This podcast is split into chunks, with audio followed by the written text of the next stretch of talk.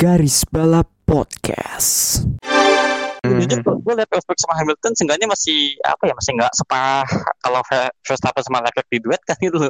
Mungkin kalau Pres. misalnya Rosberg sama Hamilton tuh udah hampir kacau itu tim Mercedes itu. Verstappen selamanya di Red Bull gua rasa sih.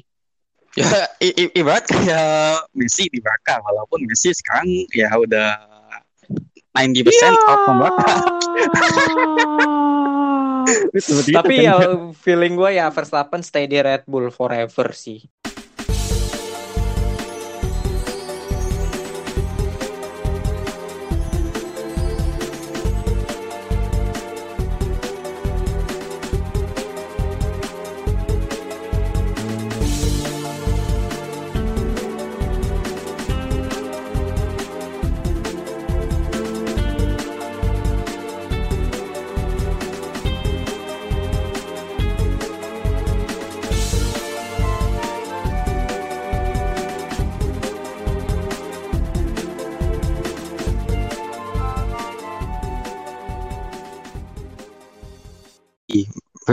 Di channel tercinta kita, channel Garis Balap bersama saya Yogo. Dan gua bagus. By the way bukan channel. Oh Oke. iya, bukan channel ya? Iya, lupa lupa, sorry. Karena biasa biasa yang YouTube gitu. Oh, itu kan udah lama. Tapi nanti Oh, kita ini ya, apa sih namanya? Kita bikin video lagi lah. Tapi nanti, tapi Yoi. itu nanti. Yo, mantap. Mantap, mantap. By the way, ada kabar terbaru apa nih soal motorsport? Di Ya, eh, entahlah. Oh iya, ini 2020? baru Mungkin kemarin. MotoGP tadi ya? Nah, MotoGP Sean 2021. Si? Ma- George Martin. Jorge Martin. Jorge Martin memenangkan MotoGP untuk pertama kalinya dan dia tahun ini rookie. Mantap. Itu mantap. Ruki. Dia mantap. Baru 6 balapan loh nggak salah. Iya, cuman di di GP Sean tadi sepertinya apa ya? Ada sesuatu Eh, bukan sesuatu, maksudnya ada yang di luar ekspektasi gua, yaitu Quartararo di posisi ketiga. Padahal gua mengekspektasinya dia di ada di posisi kedua. Nah, coba tuh, menurut lu gimana tuh Quartararo? Gue sebagai fans Gua kaget sih. Quartararo ya. Gua kaget sih Gua dia sumpah. Gue sebagai fans Quartararo ya, eh gue puas dengan apa dengan posisi tiga ya. Ini makin memperkukuh dia di puncak klasemen, apalagi si siapa? eh si Miller, si Miller Ya, jatuh Ya, dan betul. ya ini makin memperkokoh dia, mak- makin mem- memperkokoh Quartararo di puncak dan em, ya the rest still goes on untuk musim ini dan MotoGP telah kembali. Tapi tadi ada satu insiden yang gua sangat perhatiin banget itu yang Pedrosa dengan si siapa Oh, ped- iya, iya. Salvadori ya. Betul, Ped- Salvadori. Ya untungnya Sal- Salvadori tidak tidak apa ya tidak ada yang serius ya baik-baik saja gitu loh. Tapi itu cukup besar kecelakaannya. Ya ini mengingatkan kita kembali bahwa apa Red Bull Ring ini tidaklah cocok untuk MotoGP. Ah, Setelah musim betul. lalu, setelah Ya. musim lalu dua kecelakaan di Moto2 sama MotoGP, terutama MotoGP itu yang si siapa Jarko sama Morbidelli ya Betul. tahun lalu. Ya, tahun ini kita diingatkan lagi bahwa Red Bull Ring bukanlah sirkuit yang cocok untuk MotoGP. Betul, sangat tidak cocok ya. Ah, mungkin dari masalah Medan kali ya. Medan juga. Nah, cuman tadi gue lihat ah, balap ah, balapannya sih lumayan seru juga sih. Cuman Iya. ya ah, seperti yang lu bilang tadi ada benar juga. Ah, Red Bull ini nggak cocok buat MotoGP ya. Nggak Hmm. apa sih medannya tuh kurang juga dan apa ya sudut di tiap tikungannya tuh juga kayak soalnya kan MotoGP kan berbeda dengan F1 ya. Iya. Ya, kalau misalnya di tikungan itu kalau misalnya salah sudut dikit aja udah jatuh tuh Hmm. gitu loh. Kalau beda kan Hmm. kalau F1 kan uh, at least kan dia uh, mungkin keluar jalur ya, cuman tidak uh, uh, maksudnya tidak sampai ya tidak uh, crashnya tuh beda sama kalau apa ya crash mobil sama crash motor kan pasti kan beda ya. Kalau mobil kan se Iya. ah, iya sebanyak-banyaknya orang kan juga pasti kan ada paling nggak ada pelindungnya. Kalau motor kan ya langsung balapannya ke aspal gitu kan ya. Iya, dan juga eh, ini sih gua apa kan ya ya makanya motor gitu. Motor kalau jatuh badan lu terhempas bisa bisa itu ke pinggir trek atau ke tengah trek gitu kan. Gue teringat lagi sama musim lalu tuh yang kecelakaan Moto 2 si Enea Bastianini di posisi depan terjatuh setelah tikungan pertama motornya masih apa di sirkuit kan masih di tengah trek terus Hafiz Syahrin ngehantam motornya dengan cukup keras. Betul, betul. Ya bahayanya Red Bull Ring ini Red Bull Ring tuh kalau di motor tuh ya itu setelah exit dari corner tikungan satu atau tikungan dua eh, atau tikungan tiga itu ya apa ya kalau pembalap pada saat exit dari tikungan itu terus jatuh itu bahaya gitu entah motornya di tengah trek atau dirinya yang pembalap itu sendiri yang di tengah trek dan itu cukup membahayakan gitu. Dan di Moto2 juga udah ada dua pembalap kalau nggak salah di tikungan tiga selepas exit dari tikungan tiga terus jatuh gitu di free practice gitu. Jadi ya ini mengingatkan kita kembali bahwa ya nggak cocok aja nih sirkuit. Plus juga mungkin yang lu bilang Medan ya Medan mungkin ya Red Bull Ring ini kan bukit kan ya? Betul. yang bukit. nampak nampaknya nih nggak nggak nggak cocok juga sih buat motor balapan motor sih Betul. Gak, usah balapan motor ya, balapan mobil aja juga kadang-kadang kadang-kadang ya pasti apa crash-crash juga ya kan. dan ini juga karakter sirkuitnya menurut gua fast circuit ya nggak fast circuit yang kayak eh, Monza ataupun Spa ya tapi ini tuh tingkat untuk eh break untuk ngeremnya juga sangat minim gitu loh lebih ke 70% ya tancap gas flat out aja nih di sirkuit ini secara teknis Ya berarti lebih apa ya, lebih ke pandai-pandainya kita dalam mengatur kecepatan berarti ya. ya di Red Bull Ring kalau untuk F1 ya Oke. Oh ya, by the way soal F1 nih. Nah, di GP Hungaria, Esteban Ocon. wes Ocon Ocon menang Ah, Esteban Ocon. sang sang pengganti Rio Haryanto berhasil memenangkan balapan F1 kau Wah, ingat kan gila sih. Gila tuh nggak nggak expect lo gue tuh asli. tapi lu nonton Hamilton nonton lah. Hamilton kan? di bawahnya Ocon. Itu gila loh. Ya, Hamilton juga yang tapi sejujurnya sih itu balapan terawkward sih karena eh pertama Botas doing Botas Iya iya iya. Botas doing Botas the best Iya, iya, wingman iya. the best wingman in Mercedes berhasil ngebantu Hamilton mencelakakan Norris, Perez, Verstappen. Tapi Verstappen masih bisa lanjut. Terus eh eh, Aduh, apa lagi tuh? Red red red flag kan terus red flag dan Iya. pembalap pada saat pada saat mau restart si Hamilton tidak memutus, memutuskan untuk tidak pit sementara pembalap lainnya ngepit Ya, dan Hamilton Ada apa, Hamilton Hamilton start sendiri gitu Itu I don't itu. understand about I don't understand about Hamilton. about Hamilton thinking. Gue ngerti apa yang dipikirkan Hamilton lah. Ya cuman Tapi- aja lah buat Ocon. Iya akhirnya Walaupun nggak expect aja sih gue. Maksudnya nggak expect tuh gini loh. Apa dari kita kita semua nggak expect kita semua nggak Iya. expect kok Yok. dari Hmm. pebalap kapan sampai kapan Ocon paling-paling di mana posisi lima gitu kan empat gitu. Nah ini tiba-tiba sekali ya Hmm. podium, podium apa juara pertama lagi loh. Eh, dan ini podium keduanya dia setelah eh Sahir kemarin ya Sahir musim lalu Oh ya Sahir ya. yang ya. Sahir posisi dua dia dan sekarang betul. ini podium keduanya di F1 yaitu menang gitu loh ya cukup tapi yang gua highlight bukan Oconnya sih justru Apa tuh? di Hungaria Fernando Alonso itu Oh, Alonso. the the best rookie of the century itu gila itu. Lu, lu lihat kan bagaimana cara dia ngedefense Hamilton Lihat lihat dari lihat. lap ke lap gitu lu gila itu lo. Bener-bener loh menurut gua Hamilton gak habis ini eh Hamilton Alonso sih gak habis sih menurut gua sih. Nggak habis. Iya Alonso tuh gila itu sampai bikin Hamilton ngos-ngosan loh. ngos-ngosan ya. Itu Cuman itu yang gue highlight sih. Iya iya, gue juga lihat itu. Cuman gila sih itu apa? ah, It seru kan tapi kan itu itu bagian terserunya di situ sih itu. Gila itu. Seru.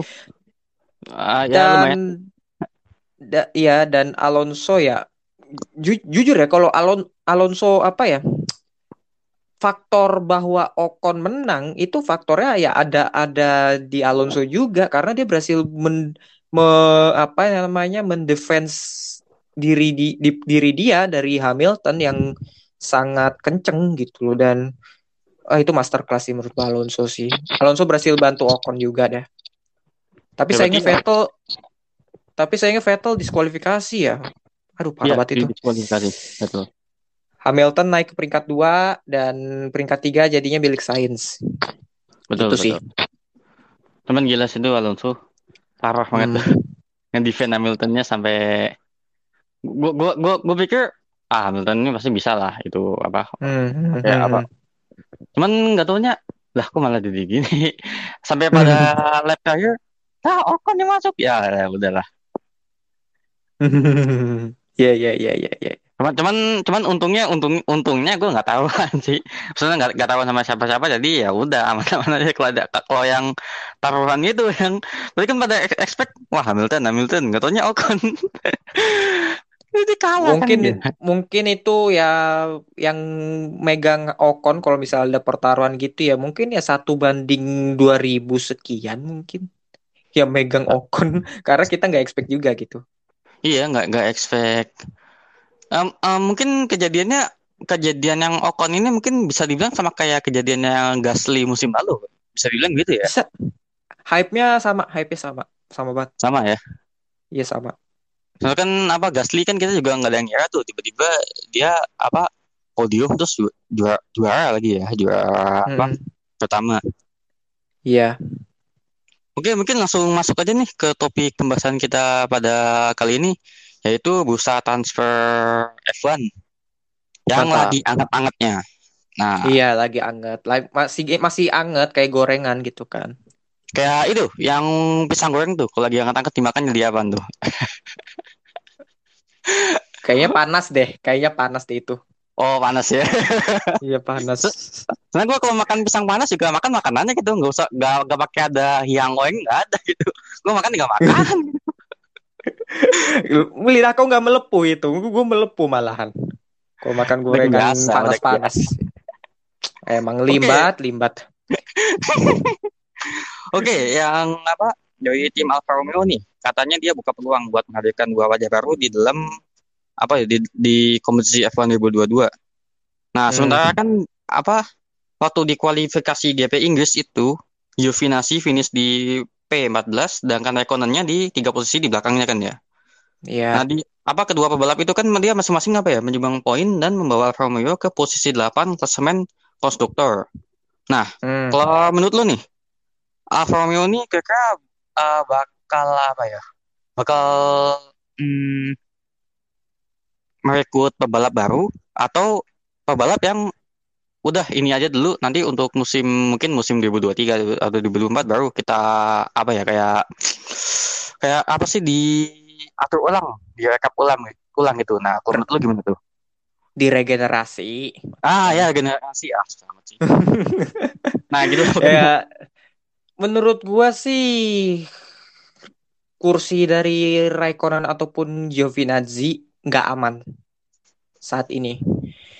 Karena gini, Raikkonen seperti yang kita tahu pembalap tertua yang ada di grid ini saat ini dengan umur 42 tahun ya harusnya ya harusnya ya menikmati uang pensiun, udah banyak ngeruk duit dari F1 gitu kan Betul. udah meraih apa yang dia inginkan jadi juara dunia ya harusnya sih pensiun apalagi dia udah udah punya anak kalau dibilang betul. berkeluarga ya berkeluarga lah udah dia cukup family man lah si Kimi Raikkonen ini betul. Eh, sementara Giovinazzi ya Giovinazzi ya Ben Giovinazzi selalu gitu-gitu aja performanya dan eh apa namanya tim prinsipal Alfa Romeo Fred Vasseur eh selalu ngasih kesempatan kepada Giovinazzi untuk ya udahlah ini masih apa masa adaptasi masih adaptasi masih ya perlu waktu lah gitu Giovinazzi tapi ini kan udah musim ke tiga dia kan udah dari 2019 gitu loh. Dan Betul, betul. performanya masih begini-begini aja. Jadi ya eh, menurut gua ya Raikkonen maupun Giovinazzi tidak aman. Plus Raikkonen nih gajinya cukup gede di Alfa Romeo gitu loh. Sementara dari performa yang ia berikan untuk tim ini tidak sesuai yang diharapkan gitu loh. Betul, betul. gua ya gitu. Iya menurut gua sih akan ada dua nama baru ya. Eh yang pasti sih akan ada pembalap baru dari Ferrari Driver Academy. Eh yang berpeluang sih pasti ya kalau kalau menurut gua ya kalau menurut gua Robert Schwartzman. Hosman ya, Callum Islet Pilot, betul. Mick. Hmm, Mick Schumacher bahkan berpeluang menurut gua. Mick Schumacher, Betul. terus si siapa namanya? Em, Botas kayaknya tiga. Ah, Botas, Botas juga Botas meskipun bot apa ya? Botas nih by the way punya kedekatan dengan tim prinsipal Alfa Romeo, Fred Vasseur gitu loh. Betul. Selain pa- pada saat dia di F3 ya kepala timnya di F3 saat itu yang dihuni sama Bottas itu ya si Fred Vasseur ini. Eh, Bottas juga bahkan berpeluang. Terus em, bahkan di luar Ferrari Driver Academy ya selain Bottas juga eh Theo Porcher pembalap Sauber Academy-nya Alfa Romeo ini bisa gitu bisa berpeluang Anda bila dia berhasil apa ya performanya di F2 musim ini cukup memuaskan gitu. Porsche ya, Porsche Ah, berpeluang juga. di Alfa Romeo. Nah, cuman Hmm. kan ada apa ya kayak suatu rumor yang apa sih yang kayak uh, beredar itu kalau Porsche uh, kayaknya nggak bakal ke Alfa Romeo gitu. Mungkin entah ke mana misal ke Red Bull maybe atau ke mungkin Porsche. Iya, Porsche eh, dia nih saat ini kan di Sauber Academy kan ya dan itu berkaitan sama Alfa Romeo. betul. Ya paling enggak ya di situ sih. Paling enggak ya nggak jauh-jauh dari Alfa Romeo sih menurut gua ya Theo Porsche. Asalkan dia bisa menghasil apa ya memberikan performa yang apa eh, yang bisa membuat Fred ini bikin pening bikin pening kepala alias ya aduh ini gua harus ambil anak ini enggak sih gitu loh. Masih muda Betul, pula masih masih fresh gitu kan gitu kok. Tapi kalau apa ada sebagian apa ya kayak hmm, pengamat F1 yang mengatakan kalau Porsche lebih berpeluang di Red Bull gitu daripada di Alfa Romeo. Nah, mungkin ah, menurut lo tuh gimana, gimana tuh? Apa ah, peluangnya si Porsche lebih besar dia di Alfa Romeo atau di tim-tim lain seperti Red Bull, Mercedes, Ferrari? tapi Porsche bisa sih kalau misalnya Papa Helmut Marko dan Christian Horner sangat berminat membawa dia ke Red Bull Junior Team ya bisa aja. Plus dia anak bertalenta gitu loh. Tapi feeling gua sih nggak jauh-jauh dari Alfa Romeo sih. Gak jauh-jauh Alfa Romeo ya. Iya, kalau ya kalaupun kalaupun misalnya tahun depan ke F masih stay di F2 nggak ke F1 ya paling ada ada peluang untuk bagi dia untuk apa ke Red Bull Junior Team gitu kan ya kita nggak tahu gitu tapi ya feeling gua sih untuk saat ini Al- Alfa Romeo nggak jauh dari itu sih. Nggak gak jauh berarti gak jauh-jauh dari Alfa Romeo gitu ya. Hmm, hmm, hmm. Nah, terus kembali lagi nih ke siapa tadi Giovinazzi sama Raikkonen. Nah, Hmm. gue sempat baca di artikel apa itu gue lupa. Dari di apa tim prinsipalnya Alfa Romeo itu Fred Fisher. Ah, dia kayak Hmm. bilang ini eh, percakapannya itu gue lupa sama wartawan gimana. Cuman seakan-akan dia kayak bilang eh, mungkin kalau untuk Giovinazzi eh, dia akan eh, apa ya? Bukan maksudnya akan memberi suatu kesempatan sampai pada apa sampai matang gitu loh. Jadi untuk eh, misalnya dia musim ini gagal, eh, di apa musim berikutnya diberi kesempatan, diberi kayak Hmm. apa sih. Nah, tapi untuk Raikkonen ini sampai detik ini belum ada eh, kabar yang beredar untuk nasib dia di Alfa Romeo seperti apa. Nah, kalau Ya Ah, kalau gini, Ya, kalau Raikkonen misal ditendang dari Alfa Romeo, nah ah, Hmm. mungkin nggak kalau misalnya dia um, out of out from Formula One gitu loh, dia berkarir di misal kayak di Indy Indy 500 atau mungkin barangkali Le Mans. Nah, ah, potensinya tuh gimana tuh kalau menurut lo? Eh, iya, Raikkonen mah paling ya seperti kebanyakan orang Finland hijrah ke rally paling mah. Tap- Tapi kalau untuk Giovinazzi ya, ya mungkin bisa saja dikasih kesempatan lagi karena si for sure si Fred ini terlalu kasihan sama Giovinazzi. Tapi mau sampai kapan gitu? Usia dia udah nggak muda lagi gitu kan, 28 tahun dan dia diberi kesempatan kesempatan terus ya. Kalau gini-gini aja berarti emang nih pembalap nggak capable untuk tim lu gitu loh. Betul. Tapi mungkin bisa aja kalau di, bertahan. kalau diberi kesempatan mungkin cuman pada sampai 2022 saja ya mungkin ya. Untuk selanjutnya Mungkin. ya we don't know gitu loh. Ya, Mungkin, bisa saja mungkin. bisa saja bernasib seperti Raikkonen. Entah mungkin, Mungkin. misal berkarir di luar F1, misal di Indy Mungkin. 500, di Le Mans Mungkin. gitu. Ya kan? Giovinazzi cocok, Giovinazzi cocok lah di Lemang. Sudah pernah juga dia di Lemang. Udah, Sekali udah, doang. udah pernah ya? Udah pernah sama AF Course, udah pernah dia. Menurut Nah, gua ya, ya nih dua pembalap nggak aman sih menurut gua ya. Tapi Nggak- favorit gua, ta- ya nggak aman. Tapi favorit gua sih untuk musim depan Alfa Romeo, em Schwartzman sama Porsche mungkin, meskipun agak beresiko ya, pembalap dua pembalap muda ya. Schwartzman dengan Porsche. Ya, atau maybe bisa Ailot sama Porsche. Gitu sih. Hmm. Berarti eh, kalau kalau eh, misal untuk musim depan nih, katakan eh, katakan si Fred Fred Vasseur tidak lagi memberi kesempatan ke Giovinazzi, berarti Giovinazzi Hmm. kan nasib dengan Raikkonen dong. Dia sama-sama out dari Alfa Romeo. Nah, menurut Iya. lo nih, tandem yang pas nih buat Alfa Romeo ng- ngisi kekosongan bangku di Alfa Romeo ini siapa nih? Kalau menurut lo? Ya, Yang paling Ya, yang paling ini, yang paling potensial. ya itu tadi Robert Schwartzman ya, atau enggak si Porsche atau bisa jadi Mick. Mick bisa bisa, bisa aja ngisi di Alfa Romeo. Ya kita nggak tahu sih, apalagi Mick ini juga belum ada kepastian juga kan di Haas gimana. Betul, betul. Ya gitulah. Tapi Berarti- feeling gua hmm, Kenapa? Ini prediksi gua ya, ini prediksi gua ya. Prediksi. Oke, oke. Eh, Ailot sama Porsche. Pilot sama Porsche. ya. Hmm, kalau Schwartzman prediksi, mungkin Schwartzman mungkin ngisi role-nya test driver Ferrari mungkin test drivernya Ferrari ya. bisa jadi. Hmm. Hmm, kalau prediksi gue sih antara gi- kalau antara Mick dengan Bottas, hmm, mungkin Bukan nggak mungkin. Bukan nggak mungkin ya Mm-mm.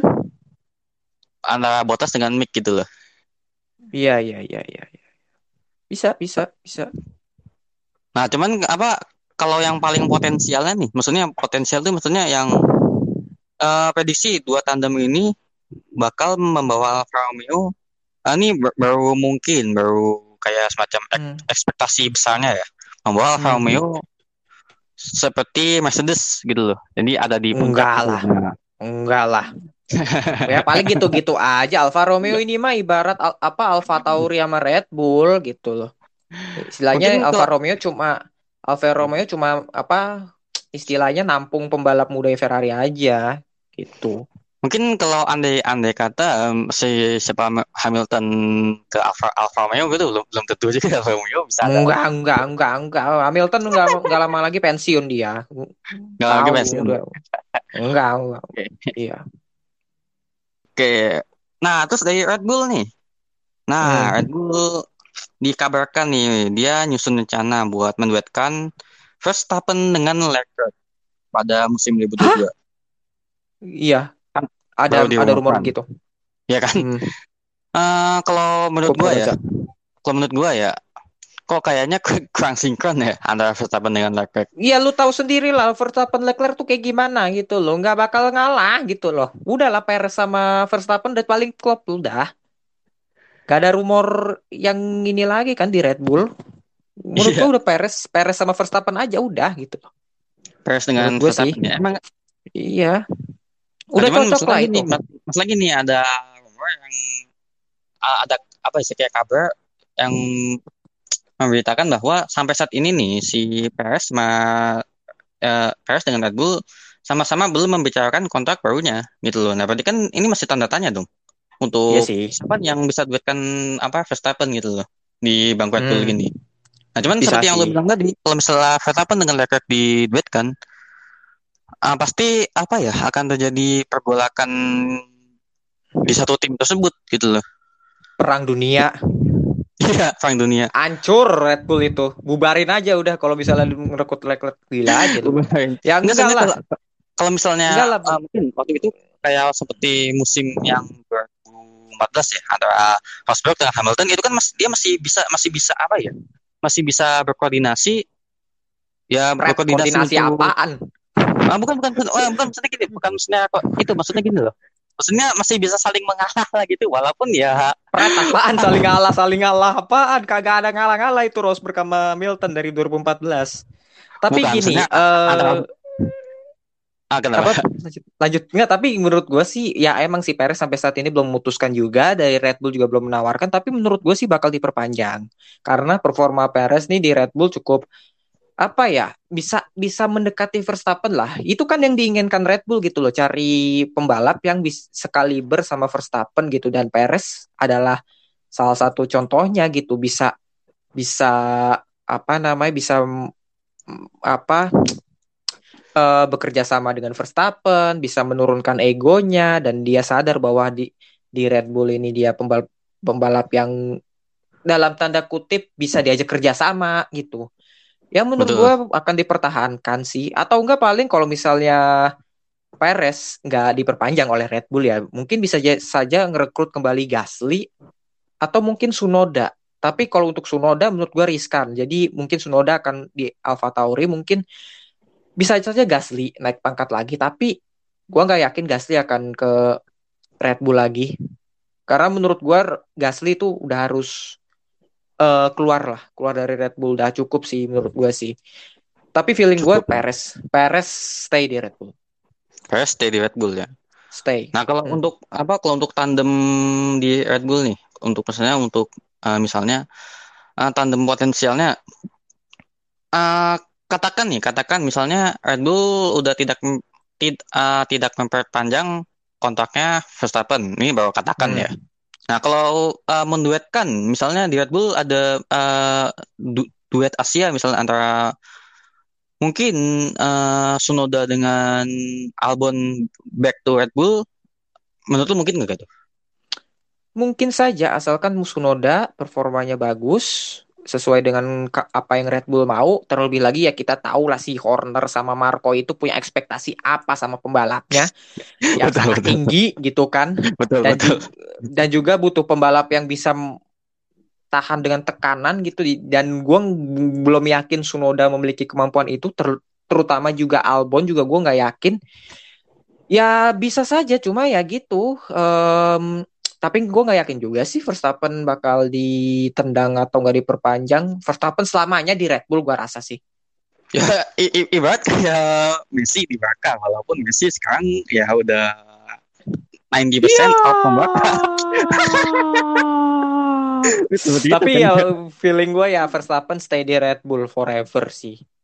Susah, udah udah udah susah sih memisahkan Verstappen dari Red Bull tuh udah susah. Kecuali kalau ada tim yang kayak Ferrari atau Mercedes yang mau merekrut dia di masa yang akan datang ya. Tapi ya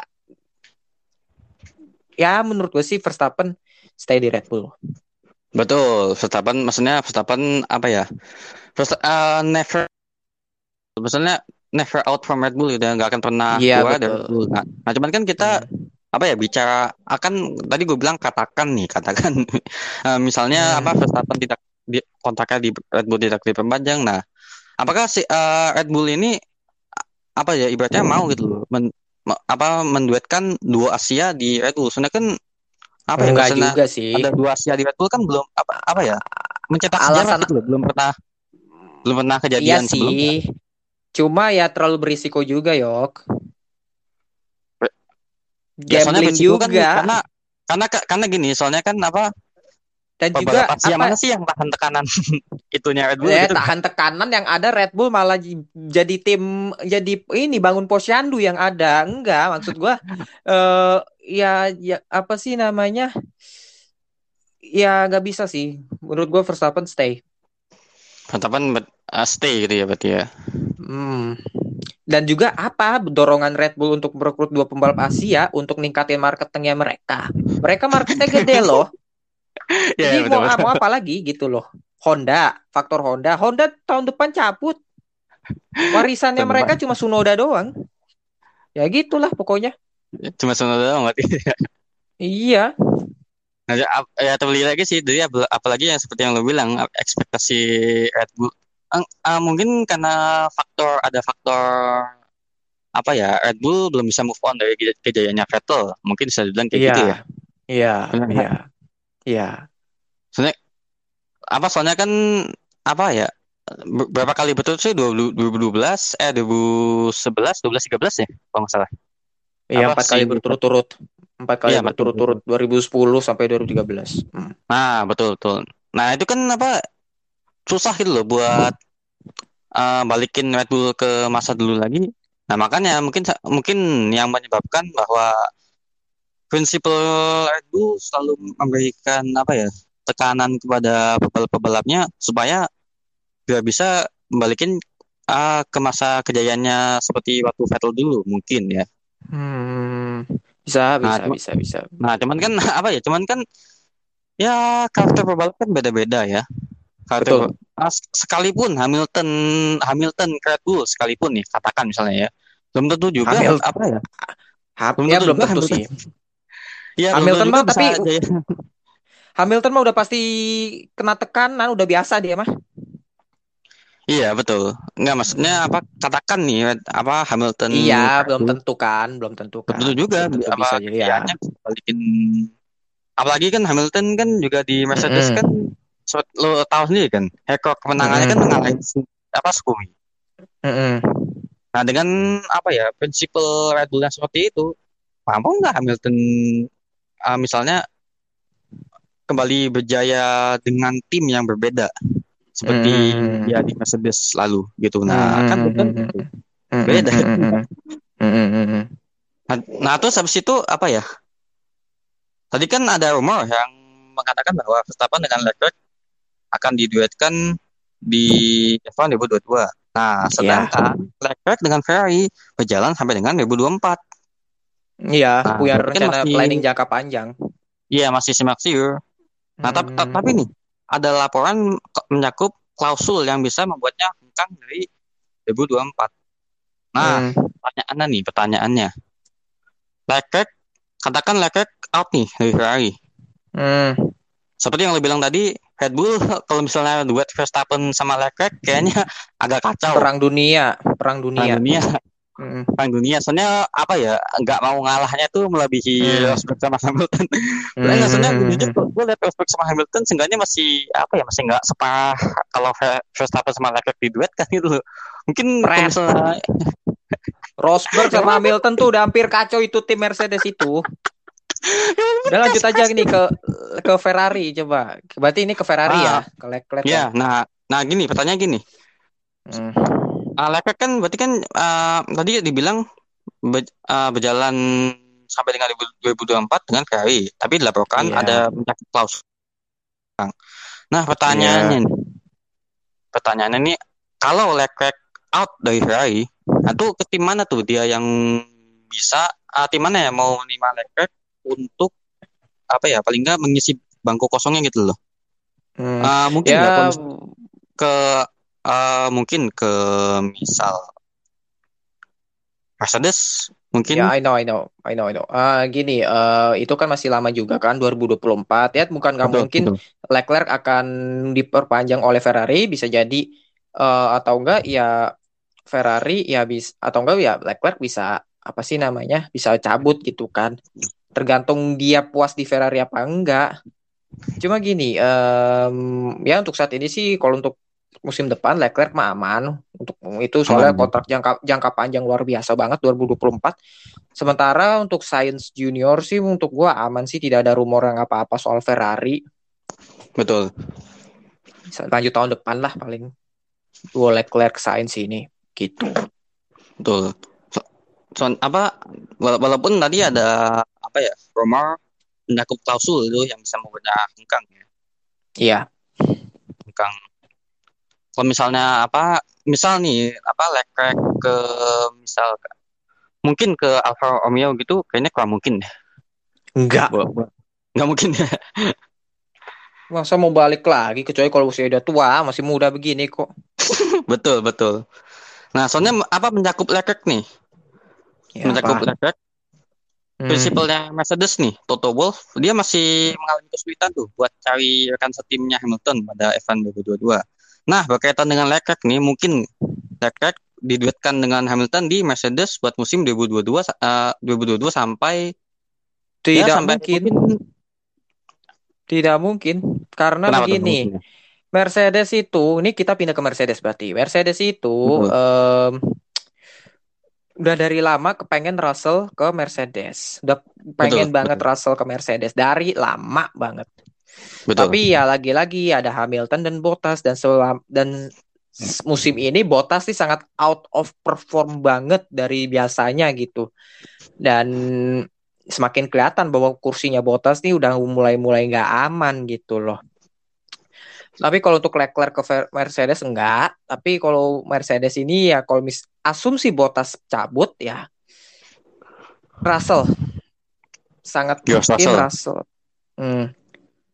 Udah dari lama rumornya, udah dari musim lalu malahan bahwa Musim lalu Russell akan ke Mercedes gitu. iya udah dari musim lalu malahan. Dan kemarin di Hungaria George Russell akhirnya meraih poin buat Williams itu makin memperta memper apa memperjelas CV-nya untuk Mercedes gitu loh. Gitu. Makin tergiur Toto Wolff apalagi Russell ini di bawah manajemennya Toto Wolff gitu loh. Sama kayak Nah, Esteban cuman- Ocon. Nah, cuman masalahnya nih, Toto Wolff juga beberapa kali ditanya sama wartawan, jawabannya selalu sama, kesulitan buat cari rekan setimnya Hamilton pada F1 2022. Nah, Alah, berarti kan itu mah itu itu mah om itu mah bullshitnya Toto Wolff aja itu mah sebenarnya mah udah ada udah ada berarti. Iya, George udah ada nggak ada iya ba- berapa kali loh ditanya apa Toto Wolff em, sama wartawan bagaimana untuk apa kesiapan mungkin dalam rangka menyusun tim Mercedes dalam musim depan 2022 Toto selalu jawabnya "Eh, kami sedang mengalami kesulitan untuk mencarikan setimnya Hamilton dikatakan bla bla bla Itu mah- itu mah main gamenya Toto Wolff aja. Sebenarnya dia udah tahu udah Russell udah udah udah omongan ada omongan lah di belakang gua yakin. Berarti fix Ah, kalau menurut lo nih fix ya ah, gan- apa ya Hamilton dengan Russell di F1 apa di Mercedes 2022 tahun depan iya karena Bottas berarti menurut meskipun Bottas ngebantu Hamilton kemarin ya di Hungaria ya Ya. dengan nabrakin dengan main bowling dengan Norris, Verstappen dan Perez sampai menyebabkan mobil mereka rusak gitu. Gila sih itu main bowling. Ya, Nah, nah cuman apa ya kalau asumsi Bottas out nih dari Mercedes.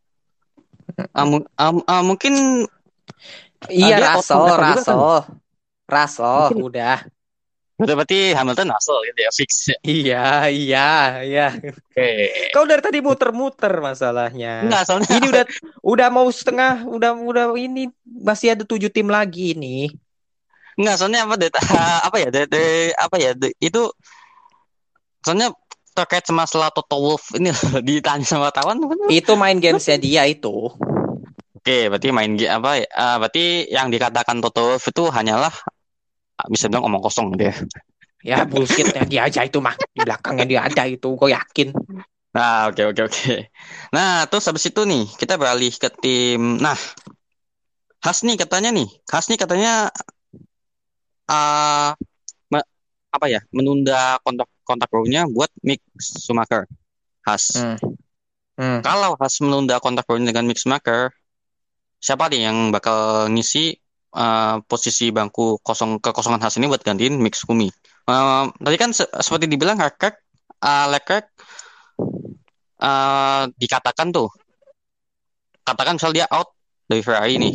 Nah mungkin nggak dia ke Ya, Haas nggak- gitu. Nggak bakal kelas juga lah, astaga. Kenapa tuh Ma- nggak bakal ke Haas? Turun gunung banget itu. Masalahnya lu tau lah Haas kayak, kayak, kayak tim A kayak apa.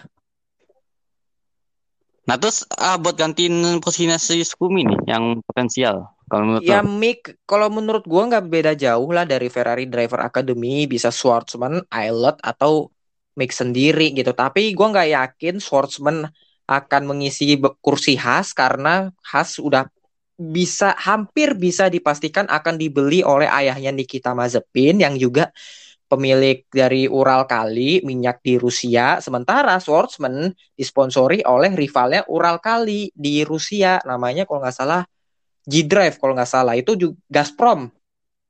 Itu juga Betul, betul. perusahaan minyaknya Rusia juga. Rivalnya Ural Kali nggak mungkin dong.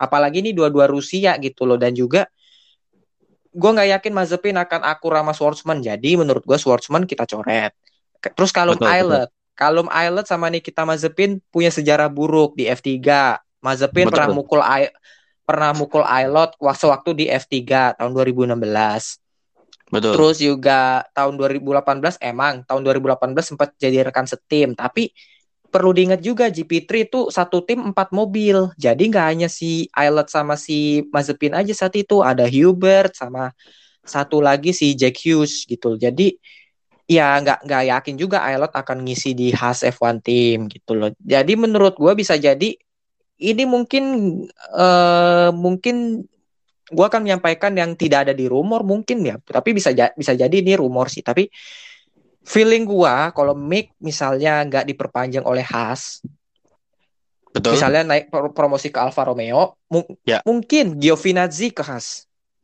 Bisa jadi. Karena Haas pasti butuh satu pembalap yang berpengalaman lah. Dan menurut gua Giovinazzi cukup bisa gitu loh di Haas. Berarti ibaratnya kayak barter berarti ya. Eh, asumsi nih. Eh, siapa tadi Skumi ke Alfa, nah Giovinazzi-nya ke Haas gitu loh. Ya, Bisa, bisa, bisa, bisa, bisa. bisa ya. Nah, Bisa, cuman bisa apa aja. apa eh, gini, maksudnya tadi seperti yang lo bilang, Giovinazzi usianya udah nggak muda lagi tuh. Hmm, Udah berapa sih? 27 atau 28 ya? 28. 28 ya. Udah matang Nah, itu harusnya ya. nah, masalahnya gini, Giovinazzi eh, di Haas apakah dia mau atau enggak gitu. Bisa aja kan mau. ada ada gengsi Bisa juga kan. aja. Bisa aja, bisa aja. Bukan nggak mungkin loh. Bisa aja berarti ya. Meskipun rumornya nggak nggak ada apa ya, bahkan nggak ada rumornya malahan Giovinazzi akan Haas, tapi menurut gue bisa aja, feeling gue bisa aja Giovinazzi ke turun gunung ke Haas sih. Turun gunung soalnya kan apa ya dari Alfa Romeo ke Haas itu kan ya ya down sih bisa dibilang kayak apa sih turun gitu. Nah, Hmm. masalahnya masalahnya dari Giovinazzi sendiri. Pasti kan ada Hmm. sih ah daripada gua ke Haas yang mending gua auto F1. Masih Hmm, banyak ya kok bener, bener. itu lain kayak misalnya Indy 500, Lemas gitu-gitu kan. Hmm, Ya benar benar benar benar benar benar bisa bisa. Oke. Jadi Alfa Romeo udah, Red Bull udah, Haas udah, terus Mercedes juga udah. Nah, ke eh, Alvin coba dah. Alvin F1 team. Se- Alpine. di situ ada Alonso sama Ocon. Em, kat- a- asumsi nih, Alonso out from Alvin gitu. Atau mungkin Ocon dah barangkali. Tapi kayaknya nggak mungkin juga sih kalau Ocon Nggak mungkin juga. Ocon Nah. Ngasih kemenangan kok.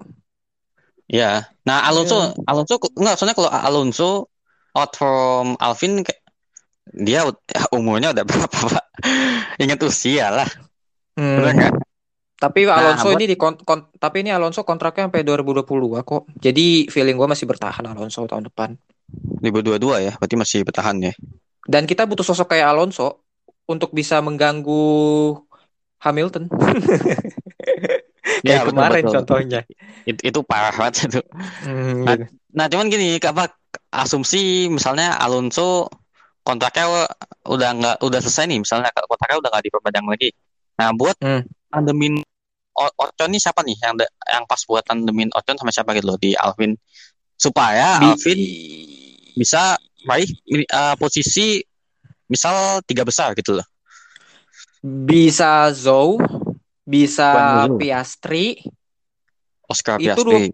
hmm, bisa dua dua pembalap itu sih yang paling sangat eh capable ya menurut gua untuk mengisi kursi F1 gitu loh. Tapi kan gini, Alpine ini kan apa namanya eh, masih satu grup kan sama Renault dan salah satu kekurangannya Alpine Renault ini Renault juga nggak ada apa namanya nggak ada konsum apa ya nggak ada tim yang mau memakai mesin mereka gitu. Terlebih lagi karena karena ya beberapa musim terakhir diragukan re reliability-nya gitu loh.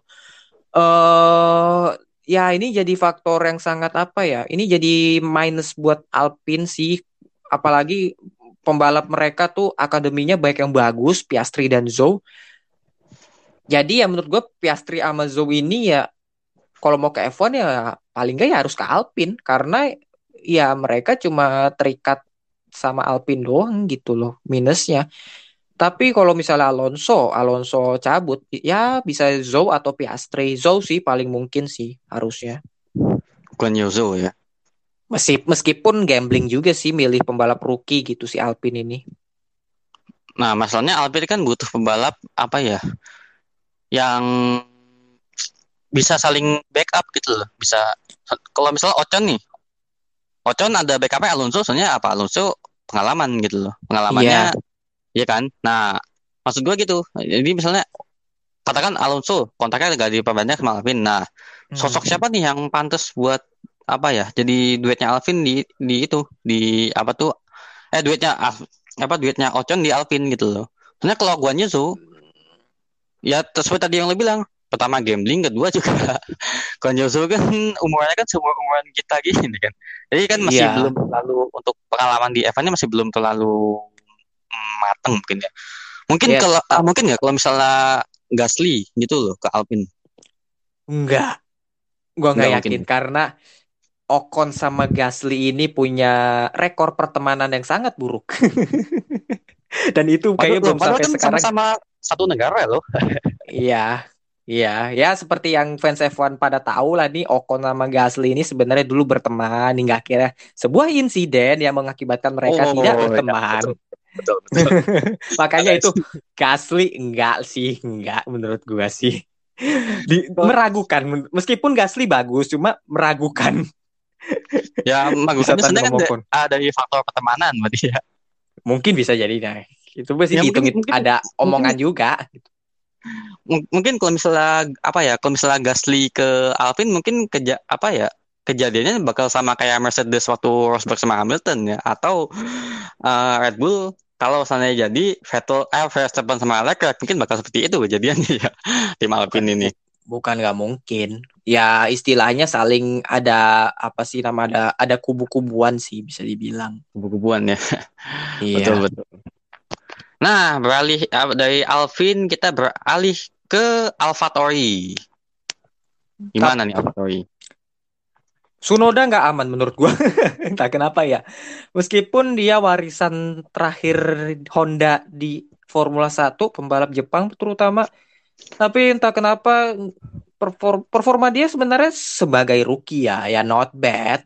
Cuma eh kalau dilihat dari pembalap Red Bull junior tim lainnya seperti Juri Vips dan sama Liam Lawson, apalagi ada Alex Albon gitu kan. betul betul eh plan terburuknya sih Sunoda akan di reshuffle sama Albon bisa jadi. Tapi ya bukan gak mungkin Al- Sunoda akan dipertahankan gitu dan Albon stay di Red Bull atau dia keluar dari Red Bull gitu. Berarti ada asum maksudnya ada asumsi nih bahwa Sunoda akan stay stay di mana tuh Iya. AlphaTauri gitu ya. Iya, dia Nah, sebagai rookie nggak buruk. Nah, cuman gini. Asumsi nih, asumsi Sunoda out nih Hmm. dari AlphaTauri. Hmm, Iya. Kalau Sunoda out dari AlphaTauri, nah di- dia tuh eh ke mana gitu loh buat buat apa yang misalnya buat em, dia ngisi ba- bangku yang mana gitu loh. Tadi kan seperti dibilang Haas nggak akan perpanjang, ah, apa maksudnya bukan nggak akan, sebenarnya masih menunda perpanjangan kontrak pada Mitsumi. Nah kalau si siapa tadi Sunoda ke Haas, kalau kalau menurut gue ya, kayaknya agak kurang memungkinkan sih ya, soalnya dari Nggak AlphaTauri mungkin. Haas itu, nah tapi ada apa ya? Gue pernah baca di, aduh, gue lupa di artikel apa tuh ada yang komen kalau uh, Sunoda lebih cocok di Haas daripada di AlphaTauri. Nah, itu yang masih Fred. menjadi pertanyaan. di mana lebih cocok? Eh, musim lalu tuh di F2 Sunoda sama Mazepin se- sempat ada selek-selekan loh. Ya, makanya kali gitu loh. Ya kali gitu Has mau ngerekrut Sunoda menurut gua ya Sunoda nggak jauh-jauh dari Alfa Tauri sama Red Bull sih meskipun ya tidak ada rumor yang begitu kencang tapi ada ada yang bilang bahwa Sunoda ini kursinya nggak aman. Tapi untuk rookie sih harusnya dia diberi kesempatan sekali lagi sih musim depan. Nah, cuman terl- terl- terlihat lagi uh, prinsipal dari AlphaTauri apakah seperti Red Bull? Oh, Kan kita- Fr- Franz Franz Tost lebih sangat bersahabat. Oh, Lebih lebih sangat sangat bersahabat bersahabat, jangan salah. Iya. Yang bersahabat ya dengan itunya. Iya. Jadi dia sangat iya. bersahabat dengan pebalapnya ya. Meskipun Iya. pebalapnya gagal berulang kali tetap aja dikasih Dikasih Apa ya, kesempatan. kesempatan gitu ya. Iya. Betul, betul. Iya, gitu. Berarti uh, berarti uh, kemungkinannya kemungkinan Sunoda stay in AlphaTauri mungkin 90% atau 80%? 8, uh, 90% mungkin ya. Ya 80% lah kalau menurutku Sunoda stay di 80%. Alfa Tauri. Iya. 80%. Oke. Hmm. AlphaTauri udah, Alfa Romeo udah, Alpine sudah. Nah, Aston Martin. Aduh, Aston Hmm. Martin. Vettel, Master. Kalau Eh, mu- eh, kalau nih asumsi, asumsi Stroll out from Aston. Asumsi ya. Kayak kayaknya nggak akan juga sih meskipun Villeneuve bilang bahwa Stroll akan ke Mercedes menurut tapi menurut gua nggak mungkin Nah, sih. Nggak itu, mung- itu. Gak, gak mungkin ju- gak mungkin juga karena ya ya kali bapak mau mecat anak gitu kan seperti yang kita tahu Aston Martin ini kan dimiliki sama papanya Stroll gitu loh si Betul, maf si ini bapak-bapak mafia gitu loh Betul. Tam- tampangnya bermafia banget ini ya menurut gua nggak bakal stay di Aston Martin dia mah Ah, ber- ah, berarti yang apa yang dikatakan sam- ah, apa sama siapa tuh? Apa Villeneuve. sama siapa tuh? Ya, Villeneuve berarti masih apa ya bisa dibilang ya sama yang seperti yang dikatakan sama prinsipal Mercedes tadi ya. Bisa dibilang omong kosong gitu ya. Ya, itu kan analisanya dia. Jacques Villeneuve kan dibayar untuk ngomong, untuk ngebacot gitu kan, untuk Betul, menyampaikan pendapat yang berbeda gitu loh. Betul. Ya, tapi men- menurut tapi ya mereka dia seakan-akan tak kenapa kemakan omongan sendiri ya, karena waktu itu dia pernah bilang bahwa Stroll ini akan gagal di F1 gitu loh. Apalagi ini eh, se- senegara Nah, gitu loh, dia bilang itu, begitu itu, gitu itu. loh. itu. Ya emang emang so so edgy menurut gua sama Villeneuve mah ini mah. Tapi feeling feeling gua mah Stroll Vettel nggak bakal Stroll ditendang juga gitu mah. Iya. Sebenarnya kan kalau ah, secara Vettel, Vettel baru masuk ya kali langsung dia tendang lagi kan kayaknya kurang mungkin gitu. Dan juga ke- ah, kalau Vet- Vettel stay Vettel stay ini juga peluang buat dia memperbaiki kesalahan-kesalahan dia di masa lampau bakal mungkin bakal berhasil sih kalau menurut gua sih mungkin. Vettel Vettel bahagia di Aston Martin. Kelihatan banget kalau dari garis gerak apa garis tubuhnya dia, rambutnya tumbuh lagi gitu kan yang tadi awal musimnya sempat botak. Eh, terus juga ya kelihatan sih dari gestur tubuhnya dia bahagia di Aston Martin. Tanpa tekanan. Ya berarti bisa dibilang seperti ini. Aston Martin berarti nggak eh, masih belum ada rencana untuk apa ya untuk regenerasi pebalap gitu ya bisa dibilang. ya. Absolutely. Absolutely. Betul. Oke. Dari Aston Martin kita beralih ke tim yang sesama Inggris nih. Tim apa yo? Tim yang sesama Inggris, McLaren. Williams juga ya Inggris, Pak. Oh iya, beda juga. Oke, kita bahas McLaren dulu lah, McLaren dulu Iya, yang lebih iya. legendaris gitu loh. Mm, mm. Nah, McLaren gimana nih dengan posisi yang diposisikan sama Ricciardo sama Norris? Mm. Apakah mereka masih aman di McLaren?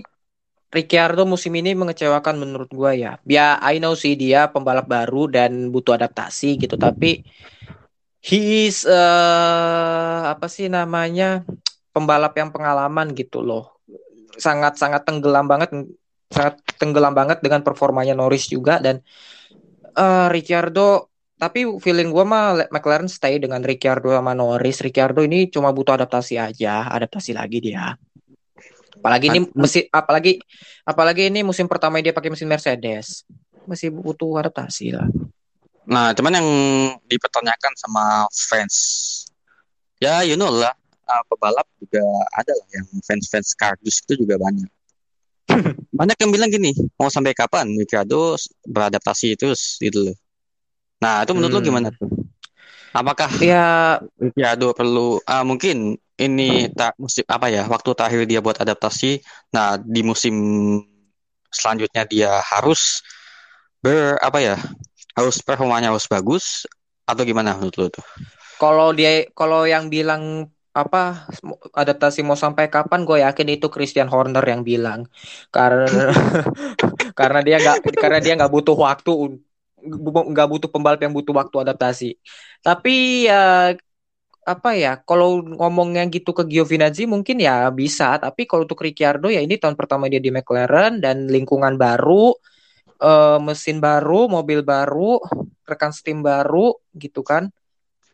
Ya butuh Betul. adaptasi aja sih nggak hanya butuh adaptasi dalam hal performa tapi dalam lingkungan tim dan kedekatannya dengan Lando Norris ya itu butuh apa ya adaptasi gue yakin eh, tim prinsipal McLaren si Andres Seidel ini punya planning lah untuk untuk Ricciardo punya treatment tersendiri buat Ricciardo agar Ricciardo performanya naik kembali gitu Berarti eh, apa ya? Berarti Em, asumsi bahwa Ricciardo dapat mengembalikan performanya sewaktu dia masih di Red Bull seperti itu ya?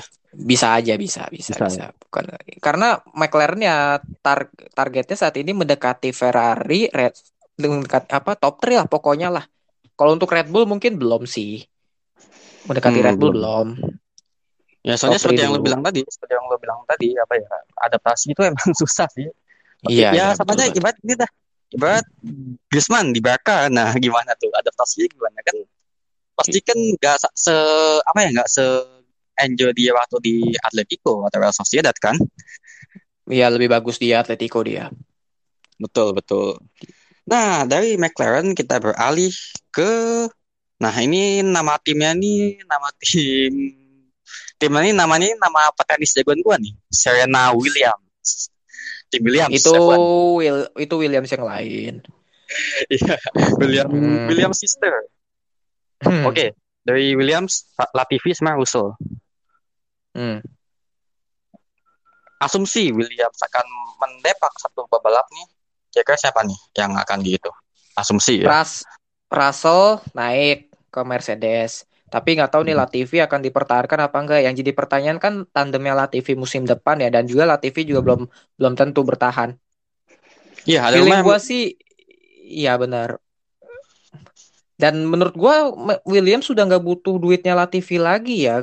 Karena ya Williams ini di bawah kepemilikan baru dengan dana dan investment yang gede-gedean gitu dari pemilik barunya eh, Dorilton Capital.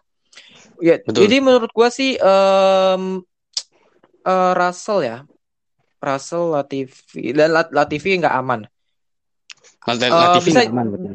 bisa jadi ya di barter sama Botas. Botas ke Williams, apalagi Botas akan sangat tertarik dengan project yang di sedang dilakukan oleh Williams mungkin.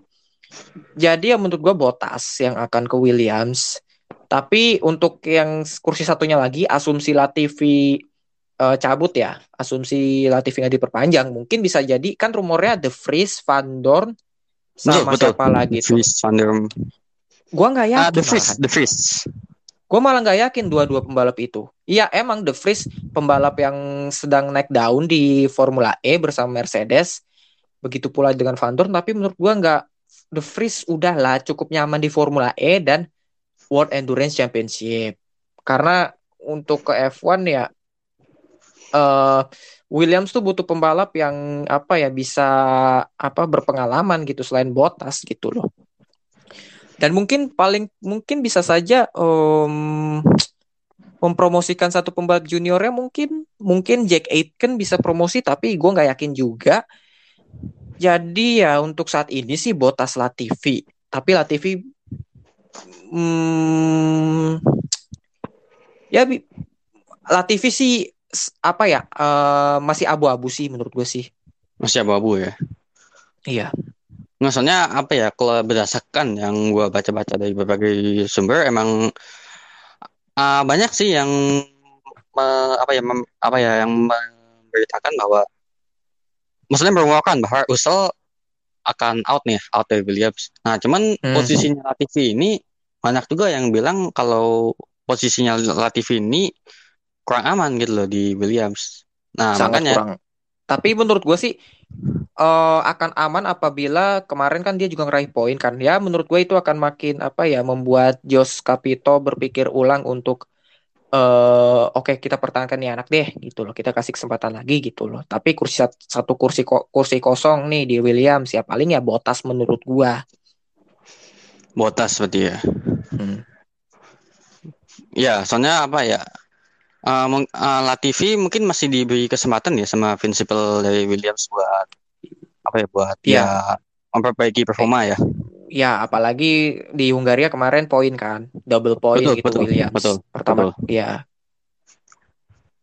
Oh ya. itu sih paling. Ulang, iya, betul. Ya, berarti in- intinya ya apa ya? Latifi eh kalau gue bilang sih eh, bisa gue bilang sih eh, 80% ya stay in Williams. Nah, cuman untuk Russell ini yang masih tanda tanya untuk apa ya musim depan bagaimana gitu ya. Hmm. Oke, eh waduh udah nggak kerasa nih, udah hampir udah satu jam malah ya. Ya, lu ngomong dari tadi berputar-putar masalahnya. Iya. Ini pertama Eh, kalinya lu jadi host. Ini lu Oke, pertama kali betul. jadi host. Ya, untuk pendengar setia podcast Racing Line atau bisa ah, dalam bahasa Jawanya podcast garis balap ah, bahasa Indonesia. Ini gue pertama kali Bodoh gue amat. gue juga pertama kali jadi host, jadi host Gabel. Ah, kalau sebelum sebelumnya kan yang jadi host kan bagus tuh. Nah ini Hmm. gue yang jadi host. Soalnya ah, apa ya di Gabel ini sistemnya ah, ya kita kan nggak apa ya nggak itu kan maksudnya nggak pengen yang dengar yang pendengarnya eh, pendengarnya pasti pengen hostnya ganti dong hostnya ganti dong. Nah ini nih. Eh, mungkin sih Ya, kalau untuk episode eh, untuk konsep selanjutnya ya eh, mungkin per 6 episode, eh, ganti host mungkin bisa mungkin ya. Ya, bisa lah. Tergantung kitanya nanti gimana. ya tergantung ini oke Iya. eh, mungkin eh, mungkin ada yang perlu ditambahin mungkin Gus Kalau gua sih nggak ada lah ya, nggak tim semua tim udah disebutkan, udah ini thumbnail juga udah siap, siap di post Siap, di- siap. untuk untuk untuk untuk minggu depan hari Senin. Jadi oke mantap mantap ya bisa udah udah cukup lah, udah cukup lah. Oke, cukup. Oke, mungkin eh, cukup itu saja dari pembahasan kita kali ini. Eh, jangan lupa untuk di apa ya Spotify mungkin bisa didengar ya, Iya, betul. Bisa di eh, didengar. Mung- eh, sama mungkin kalau untuk YouTube tadi mungkin kita belum ada- eh, untuk dalam waktu dekat ini belum ada rencana ya untuk eh, Mm. video. Ah, tetapi Hmm. mungkin dalam ah, jangka panjang ah, mungkin ada ya, ada. Ada. Soalnya kan ada ya, soalnya ah, kita kan apa kalau misalnya untuk bahas masalah sirkuit atau masalah insiden-insiden seperti episode yang kit- tentang seat Oser, nah itu kalau opening gue sih harus melalui video sih, soalnya pendengar pendengar pasti juga akan bingung gitu kan. Ini ini baga- eh, dari- Hmm. apa- bagaimana gitu kan, benar nggak? Iya, mungkin kok mungkin gua video lebih ke materi sih. Lebih ke Lebih ke berapa materi, ya ya. paling 10 menit 10 menitan inilah videonya lah, jangan banyak-banyak juga sih. Ya Betul, mungkin nanti betul. bisa gua pikirkan lagi lah konsep video untuk di YouTube garis balap seperti apa gitu. Oke, mantap, mantap. Oke, Hmm. mungkin eh, cukup itu saja pembahasan kita pada episode kali ini. Gua Yogo, Gua bagus. sampai jumpa di episode kami selanjutnya. Salam Motorsport Indonesia. Salam Motorsport Indonesia. Mantap.